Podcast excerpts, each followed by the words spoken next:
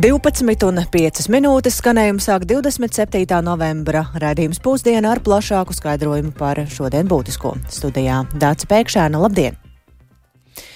Un sākam ar šī brīža karstāko ziņu par to, ka ministra rīkojums apturēt noteikumus par iebraukšanas maksas jūrmalā paaugstināšanu bijis nepamatots. Tā ir secinājusi satvērsmes tiesa. Tādējādi jūrmals domāja faktiski nav šķēršļu iekasēt lielāku maksu par iebraukšanu jūrmalā un to ieviest visa gada garumā. Vairāk gatavs pastāstīt kolēģis Jānis Kīncis, kurš mums šobrīd pievienojas tiešraidē. Sveiks, Jāni! Kā satvērsmes tiesa pamato savu lēmumu? Jā, sveicināti. Atgādināšu, ka Jurmālas domas deputāti ir lēmuši noteikt iebraukšanas maksu Jurmalā visa gada garumā un caurlaides cenu palielināt no 2 līdz, no, no 2 līdz 3 eiro. Un satversmes tiesa vērtēja aktu, ar ko vidas aizsardzības un reģionālās attīstības ministrija apturēja šos Jurmālas domas saistošos noteikumus par transporta līdzekļu iebraukšanas maksas palielināšanu. Tā pirms teju diviem gadiem, 2021. gada decembrī, nolēma toreizējais vidas aizsardzības un reģionālās attīstības ministrs Artūrs Toms Plešs no attīstībai par.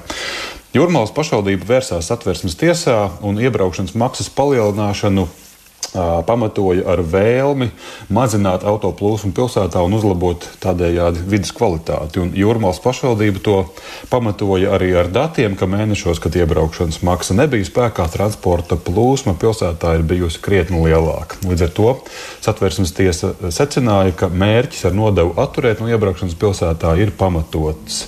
Um, Satversmes tiesa kā nepamatots atzinusi arī ministra uh, sniegtos apgalvojumus, ka nav notikušas apspriešanās ar jūrmālas iedzīvotājiem un uzņēmējiem. Uh, Satversmes tiesa likusi saprast, tad, ka kurat pilsētas iedzīvotājiem ir pastāvīgās caurlaides iebraukšanai jūrmalā. Savukārt uzņēmēja organizācija nav iebildusi par, pret šo jūrmālas pašvaldības lēmumu. Nu, Tātad eh, par to, kā Jurmālas pašvaldība rīkosies tālāk un no kura brīža līdz ar šo satversmes tiesas nolēmumu mainīsies iebraukšanas maksa pilsētā. Centīšos noskaidrot turpmākajās stundās. Atgādināšu, ka pašlaik iebraukšanas kārtība Jurmalā ir līdzinējā no 1 novembra līdz 1. aprīlim par iebraukšanu jūrmalā nav jāmaksā. Tad, tā tad eh, Tas noskaidrošu no Jurmalas domas. Savukārt vidas aizsardzības un reģionālās attīstības ministrijā jau pagūda noskaidrot, ka pagaidām pirms detalizētas eh, satversmes tiesas nolēmumu izvērtēšanas ministrijas pārstāvji no komentāriem atturēsies. Tālūk, šobrīd tāds ir. Paldies Jānim Kīncim. Es tikai atgādināšu, ka satvērsmes tiesas spriedumi ir nepārsūdzami un redzījumā pēcpusdiena tad arī plašāk um, vērtēsim, kā tagad rīkosies Jūrmāls doma un kā vides un reģionālās attīstības ministrija. Tikmēr Rīgā neviens vien noteikti ir pamanījis, ka ir jārēķinās ar dažādiem sarežģījumiem sabiedriskā transporta kustībā un to ietekmē arī remontdarbi, tā atzīst Rīgas satiksmes valdes priekšsēdētāja Džina Tīnusa.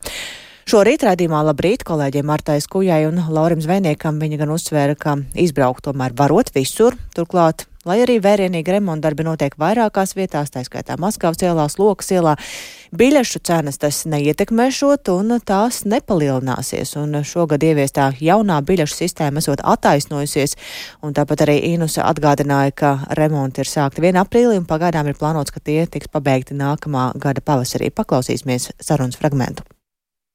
Līdz ar to tas ir ļoti īss laiks, nu, 7 km tramvajas lieža rekonstrukcijai, kur ne tikai tramvajas lietas tiek rekonstruētas, bet arī mainīt kanalizācijas vadi, siltumtrases, ūdensvadi, elektrība, mainīts viss kontaktīkls. Līdz ar to šie darba apjoms ir ļoti iespaidīgs, bet tā, tad, kad tas beigsies, tad gan jāsaka, ka arī 7.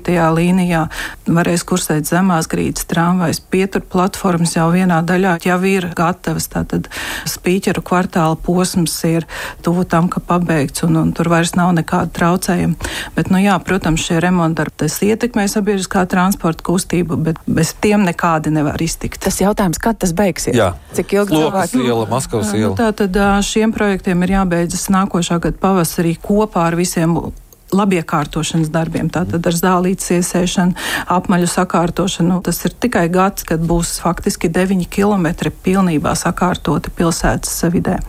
Bet, jā, jūs minējāt, jau 7. tramvaja līnijas pagarinājuma projekts ir uzsākts, gads paies projektējot, tātad gada laikā tur tāda vizuāli nebūs redzama nekāda ietekme, bet tā kā tā būs pilnīgi jauna līnija, tas neietekmēs sabiedrisko transportu, tas, protams, ietekmēs autovadītājs, kas iebrauc attiecīgi no tā virziena no Salaspils puses, bet tā būs pirmā jaunā tramvaja sliedes 40 gadu laikā. Ja, tā tad Rīgas pilsētā. Un uh, tramvajs ir viens no efektīvākiem pasažieru pārvadājumu transportiem, un tāpēc mēs tikai esam gandarīti, ka beidzot ir arī iespēja būvēt jaunas sliedes, ne tikai remontēt vecās. Bet nu, ar tik lielu būvēšanās mm. apjomu pilsēta ir ar to rēķinājusies, vai varbūt pasažieriem ir jāsāk ar to rēķināties un nākamgad sagaidīt augstākas biļešu cenas? Nē, par biļešu cenu paaugstināšanu mēs nekādi neplānojam. Tieši otrādi mums šķiet, ka esošā biļešu cenu izveidošana, kas notika ar šī gada 1. janvāru, ir ļoti veiksmīga. Tātad mēneša biļešu cenas no 50 uz 30 eiro ir pilnībā taisnojuši savu vajadzību, jo tie pasažieri, kas tagad izmanto braukšanu ar mēneša biļetēm, ir palielinājušies no dažiem 10% līdz pat 30 vairāk procentiem pasažieru brauc. Es atvainojos, 60% brauca mēneša biļetēm. Tie, kas tātad maksā pilnu mēneša biļetes cenu. Jā. Un tieši tāds arī bija mērķis dot iespēju regulārāk izmantot tiem pasažieriem, kas tāpat jau to dara un par daudz izdevīgākām cenām. Tie, kas izvēlas braukt no reizes uz reizi, jā, protams, maksā nedaudz vairāk, bet tas nav ļoti daudz vairāk. Studenti arī samierinājušies ar mēneša biļetes cenu. Šodien vēl Rīgas domē būs saruna ar studentiem arī par studentu jautājumu, bet arī studentiem mēneša biļetes ir 15 eiro. Pret to labumu, ka viņi var izmantot jebkurā diennakts laikā. Un arī turpmāk mēs, diemžēl, pastiprināti pievērsīsimies jautājumam par kontrolēm, par iespējams iekāpšanu pa pirmām durvīm ar vien vairāk, jo mums ir jāsamazina šo nemaksājošo braucēju skaits, kas ietekmē arī pārējo pasažieru komfortu un ērtības. Tālūk, Rīgas satiksmes vadītāja Džineta Innusa, bet turpinot par biļetēm sabiedriskajā transportā augstskolu studentiem Rīgā, vai tās kļūs lētākas par to, kā jau dzirdējām, tad šodien spriedīs Rīgas domas atbildīgajā komitejā, lai gan Latvijas studenta apvienība jau no pavasara lūdzu samazināt maksu par vienreizējām braukšanas biļetēm, kas tagad maksā eiro 50. Pašvaldība kā kompromisu piedāvā citu risinājumu, proti mēneša biļetes cenu samazināt par 3 eiro un tādējādi tā maksā šot 12 eiro. Un lūk, ko par to saka daži Rīgās, Rīgas ielās uzrunātie studenti. Nu, ja viens brauciens būtu eiro 20, es uzskatu, ka tad mēneša biļete ir izdevīgāka. Tāpat tās jo tie braucieni neatspēkojas. Tas sanāk desmit braucieni par to pašu, ko tu mēnesī varētu nobraukt kaut kādas, nezinu, vairākas neskaitāmas reizes. Piemēram, mums kā medicīnas studentiem lekcijas notiek pa visu Rīgu, un šī braukšana ir ļoti nepieciešama. Un tāpēc mēneša biļete mums personīgi ir izdevīga, bet uh, savukārt tiem, kuriem, piemēram, lekcijas nav tik uh, bieži klātienē un uh, nesanāk tik daudz braukāt, viņiem šī mēneša biļete nav izdevīga tāpatās.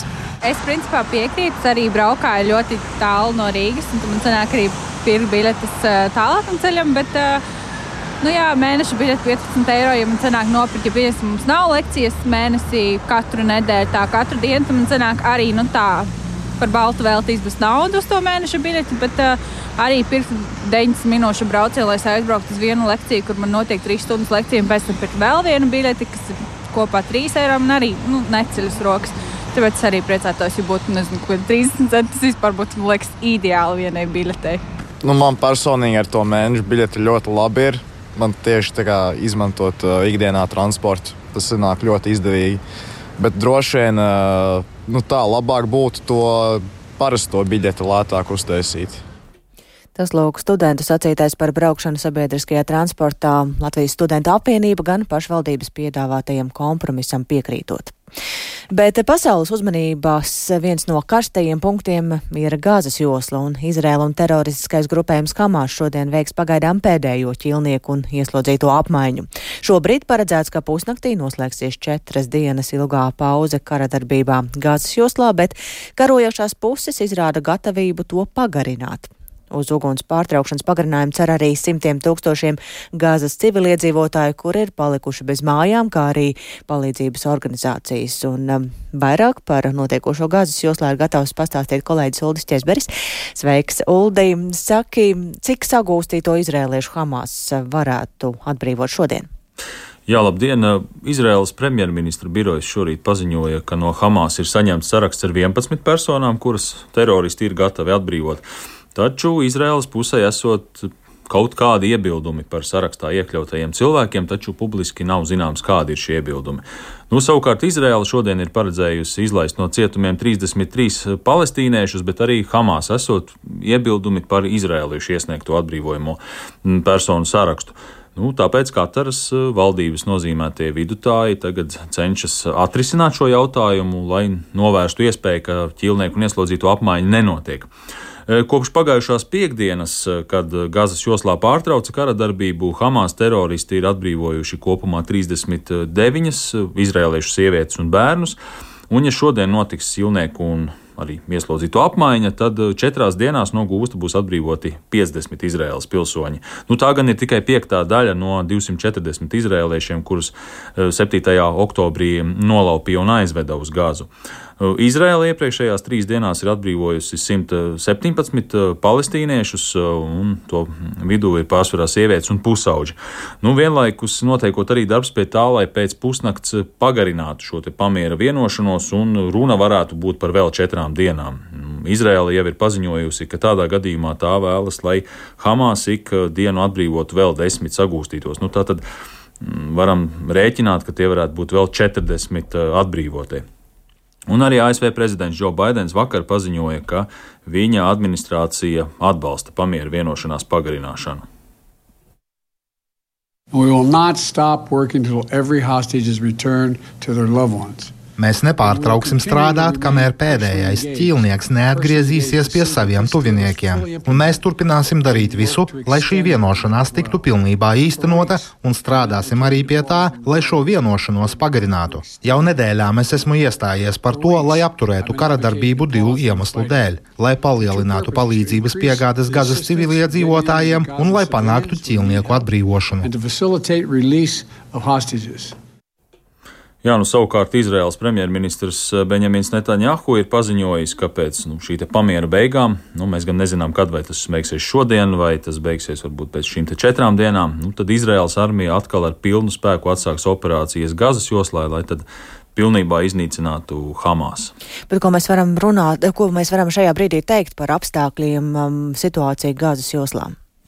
Jā, nu tā joprojām šī humanitārā situācija ir ļoti smaga, jo aptuveni miljons no 2,3 miljoniem mm, teritorijas iedzīvotāju kara dēļ ir zaudējuši mājas vai bijuši, tās, eh, bijuši spiest tās pamest. Nu, un pauze kara darbībā ir ļāvusi palīdzības organizācijām ievest Gazā humāno palīdzību, kā arī evakuēt cilvēkus no kara, zo kara zonas, taču nu, joprojām cilvēku vajadzības, protams, ir daudz lielākas par iespējām tās apmierināt. Un varam paklausīties, ko par situāciju Gazā teica palīdzības organizācijas Norvēģijas bēgļu padome pārstāve Šaina Lova. There still are tremendous shortages in terms of food, clean water, joprojām ir milzīgs pārtikas, tīra dzeramā ūdens un medikamentu trūkums. Postījumu apjoms ir milzīgs. Tas ir kā uzlīmēt plāksteri uz dziļas brūces.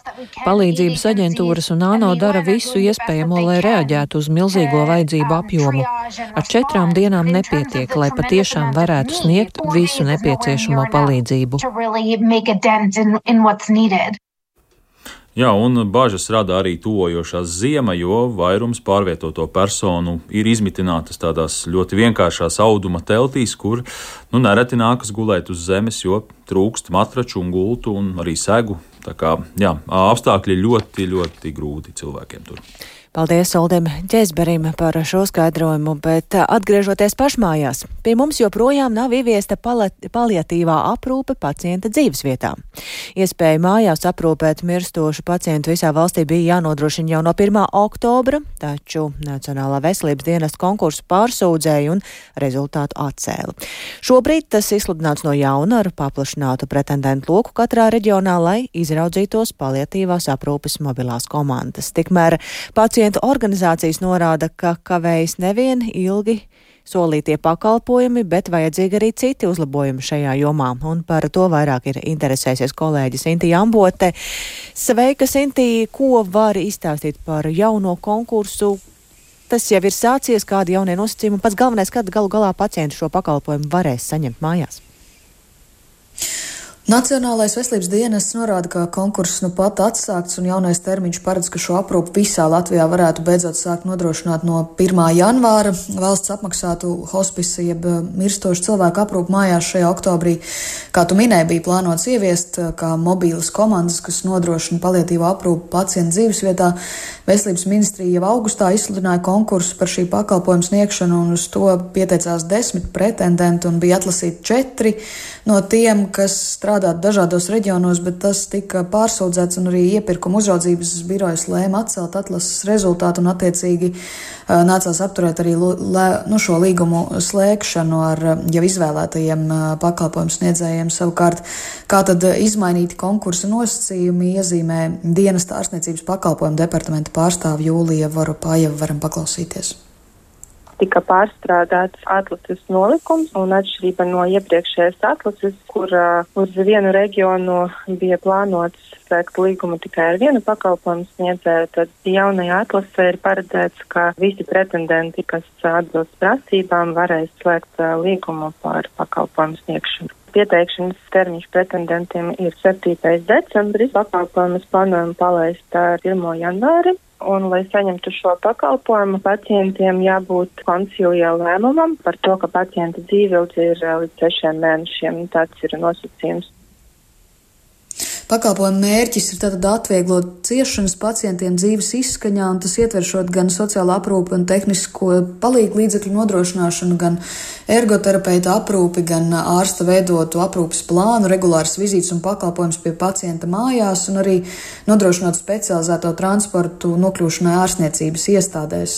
Pakalpojumā arī paredzēts konsultācijas pacientam un viņu tuviniekiem dienas režīmā, tostarp brīvdienās un svētku dienās, arī psihosociāls atbalsts kā arī paredzēts apmācīt tuviniekus par aprūpas jautājumiem. Nu, līdz šim palietīva aprūpa mājās īstenot tādu pilotprojektu veidā un tikai atsevišķos reģionos, un paralēli, protams, tātad darbojas šīs aprūpas nodaļas slimnīcās, kurās pacientiem valsts apmaksā līdz desmit dienas, bet, protams, aprūpe bieži nepieciešama ilgāk, un, piemēram, Austrumu slimnīcas palietīvās aprūpas nodaļas vadītājs Vilnis Sosārs iepriekš Latvijas rādio iezīmē, ka rindā uz šo gultas vietu pacientam jāgaida pusotru mēnesi, un bieži cilvēki šo aprūpas iespēju vienkārši nesagaida. Un ārsts palietīvo aprūpu mājās iezīmē kā būtisku instrumentu, lai mazinātu šīs rindas. Tikmēr Latvijas onkoloģijas pacientu organizācija apvienības Onko alianses pārstāve Olga Valciņa norāda, ka šie pakalpojumi top ļoti novēloti un kopējā sistēma arī ar vienu ir vēl ar daudziem trūkumiem. Varam paklausīties. Pirmkārt, tas, kas tiek darīts, jau ir daudz par vēlu. Bet, nu, ja runājam no tā, kas tiek darīts, tad uh, konkurss būs par mobilajām brigādēm, bet tā ir tikai puse. Mobilās brigādes der tiem, kas spēj aprūpēt savus tuviniekus. Tātad, ja kāds mirst mājās, ja cilvēks ir vientuļš, vai tā ir ģimene ar maziem bērniem, kur otram cilvēkam ir jāstrādā, tad viņiem šis risinājums iespējams, ka nederēs, un viņi atkal paliks vieni paši bez atbalsta. Mums ir jāsaprot, cik mums ir ir tādu gadījumu, kad vajadzētu būt ar gultas vietām un nevis uz desmit dienām, bet uz tik, cik cilvēkiem ir vajadzīgs. Turklāt, tur, kur ir gultas vietas, ir skaidri jānodala tie, kas ir palietīvā aprūpē, un tiem, kam jau ir hospis, tad pēdējās dienas iestājušās. Nacionālais veselības dienests norādīja, ka savukārt uz palietīvo aprūpi mājās rindām nevajadzētu veidoties, jo nav ierobežots cilvēku skaits, bet aptuveni aplēsts, ka gadā šo pakalpojumu saņems 2800 pacientu un finansējums tam ir, ir ap 6,7 miljoni gadā. Dace. Paldies Sintējai Ambotei tik tālu par paliatīvo aprūpi mājās. Un vēl tiek meklēti veidi, kā uzlabot Latvijas bērnu lasīt prasmi, kas pēc pēdējiem starptautisko pētījumu datiem pasliktinās. Plašāku sabiedrības uzmanību jau vairākus gadus pievērš ar lasīšanas veicināšanas programmu grāmatu starts, un ieinteresēt bērnus lasīt un saprast izlasīto mudinās arī interaktīva izstāde vai grāmatā ir knābis. Ko šodien atklāja Nacionālajā bibliotekā, un tā ir paredzēta pirmskolniekiem un viņu ģimenēm, lai iepazītos ar grāmatām un bibliotekām. Vairāk par to kolēģi Agnija Lazdiņa, kura šobrīd atrodas bibliotekā, izstādes atklāšanā. Sveika, Agnija! Nu tad vispirms par izstādi izstāst mums vairāk. Sveiki! Tātad izstādes pamatā ir Inises Zandaras un Rūtas Briedas bilžu grāmata vai grāmata ir, vai grāmatā ir knābis, kur tās galvenais varonis ir pūčulēns Elmārs, kas tad aicina bērnus spēlēties un izpētīt grāmatu pasauli. Līdz ar to arī šajā izstādē mazie pētnieki jeb bērni var izsekot grāmatas ceļam no rakstnieka radīta stāsta līdz pat grāmatas nonākšanai grāmatplaukā. Grāmatplauktā un bērni paši darbojoties varēs var noskaidrot, kur tad rodas šīs grāmatas, kā ienākt grāmatā un kā to lasīt, iemācīties sacerēt stāstus un iejusties arī šī paša autora lomā un arī iepazīt paralēli burtus un redzēt, kā tie pārto vārdos un galu galā šajā grāmatā. Un, Izstādes galvenais mērķis ir ieinteresēt bērnus lasīt grāmatas un izkopt šo lasīt prasmu ar vien labāk, un kāpēc ir svarīgi lasīt, tad paklausīsimies rakstnieces Ineses Zandaras teikto. Tas ir svarīgi arī mammai un, un vecmāmiņai un vispār jebkuram cilvēkam, kas saprot, ka bērniem ir jālasa. Un bērniem ir jālasa nevis tāpēc, ka mēs tā gribam, bet tāpēc, ka viņiem to vajag. Jo bez lasīšanas un spējas saprast tekstu viņi nevar saņemt zināšanas. Viņi nevar mācīties bez tā. Tas ir ļoti svarīgi. Izstādē aktualizēja sabiedrībā arī problēmu, proti, ka Latvijas bērnu lasītprasme pasliktinās un, kā liecina starptautiskais lasītprasmes novērtēšanas pētījums, ko veids reizi piecos gados, tad eh, kopumā Latvijas skolēnu sasniegumi lasītprasmē gan ir augstāki par vidējo, taču salīdzinot ar pētījumu, kas veikts vēl pirms pieciem gadiem, proti 2016. gadā, tad Latvijas rādītājos redzams nozīmīgs prasmju kritums, ko gan skaidro ar Covid-19 pandēmiju, kuras dēļ dēļ ilgstoši mācības noritēja attālināti. Un uh, galvenokārt dati parāda, ka 6% jeb aptuveni katrs 17. skolēns Latvijā nesaprot izlasīto tekstu. Un iepriekš pētījumos šādu rezultātu uzrādīja tikai 1 līdz 2% skolēnu. Un kā arī lasīt prasmes sasniegumi meitenēm Latvijā ir ievērojami augstāki nekā zēniem. Tātad zēni vienkārši lasa daudz mazāk un daudz sliktāk. Taču saskaņā ar šī pētījuma tādu kā skaidrojumu skolēniem 4 klasē būtu jāuzrāda tāds zināšanu līmenis, kas liecina, ka viņi var izmantot lasīt prasmi, lai ne tikai mācītos, eh, lai, lai mācītos, nevis eh, vēl joprojām turpinātu mācīties lasīt. Un iepaliekot, las, iepaliekot šajā lasīt prasmē, skolēni atpaliek arī citos mācību priekšmetos. Un arī Latvijas Nacionālais bibliotekas atbalsta biedrības direktore Kārina Petersona stāsta, ka nevar vienmēr paļauties tikai uz šo izglītības iestādi, vai nu tas būtu bērndārs vai skola, kur tad bērnam iemācīs lasīt, bet arī būtiska loma ir pašiem vecākiem. Paklausīsimies viņas teikto. Domāju, un arī pētījumi to rāda, ka būtībā jau eh, viss sākas ģimenē. Diemžēl ir ģimenes, kur mājās nav grāmatu. Nu, arī pētījumi rāda, ka jo agrāk ar bērniem, bērniem sāk lasīt priekšā vai ļauj viņiem apskatīt grāmatu kā attīstošu objektu, kaut vai to šķirstīt, jo bērnam ir vieglāk klājas skolā, ja viņš ātrāk apgūst zināšanas, un arī dzīvē viņš pēc tam tālāk tiek. Un eh, vecāki reizēm mm, varbūt varbūt nezinu, vienkārši viņiem tas ir jāpastāsta, ka bērnam ir jālasa priekšā jau no 6, no 8, no 10 mēnešu vecuma, jo tikai tā nu, viņam ir bagātāks vārdu krājums, viņš spēj sekot notiekošiem, līdz uztvert informāciju. Šobrīd izstāde nu, notiek Latvijas Nacionālajā bibliotekā, bet pēc laika tā kļūs par tādu kā ceļojošo izstādi, ko varēs apmeklēt daudzās Latvijas bibliotekās, bet uh, par, gan par izstādi, gan arī par lasīt prasmi bērnu, tad klausieties plašāk programmā pēcpusdiena. Dace. Paldies Agnijai Lazdiņai. Es vēl tikai īsi piebildīšu kādu būtisku vēstu sporta jomā. Startautiskā basketbola federācija ir paziņojusi, ka Olimpisko spēļu kvalifikācijas turnīrs basketbolā notiks arī Latvijā. Pārējās trīs valstis, kas uzņem saņems turnīrus, ir Grieķija, Spānija un Puertoriko. Par to tad vairāk izstāstīsim raidījumā pēcpusdiena. Pretinieku šajā turnīrā Latvijas vīriešu basketbola izlase uzzinās vēl vēlāk vakarā. Izloze ir gaidāma astoņos vakarā. Bet šobrīd izskan raidījums pusdiena. To producēja Ilze Agīnta, ierakstus montēja Kaspars Groskops par labskaņu rūpējās Rīta Karnača un ar jums sarunājās Dāca Pēkšēna.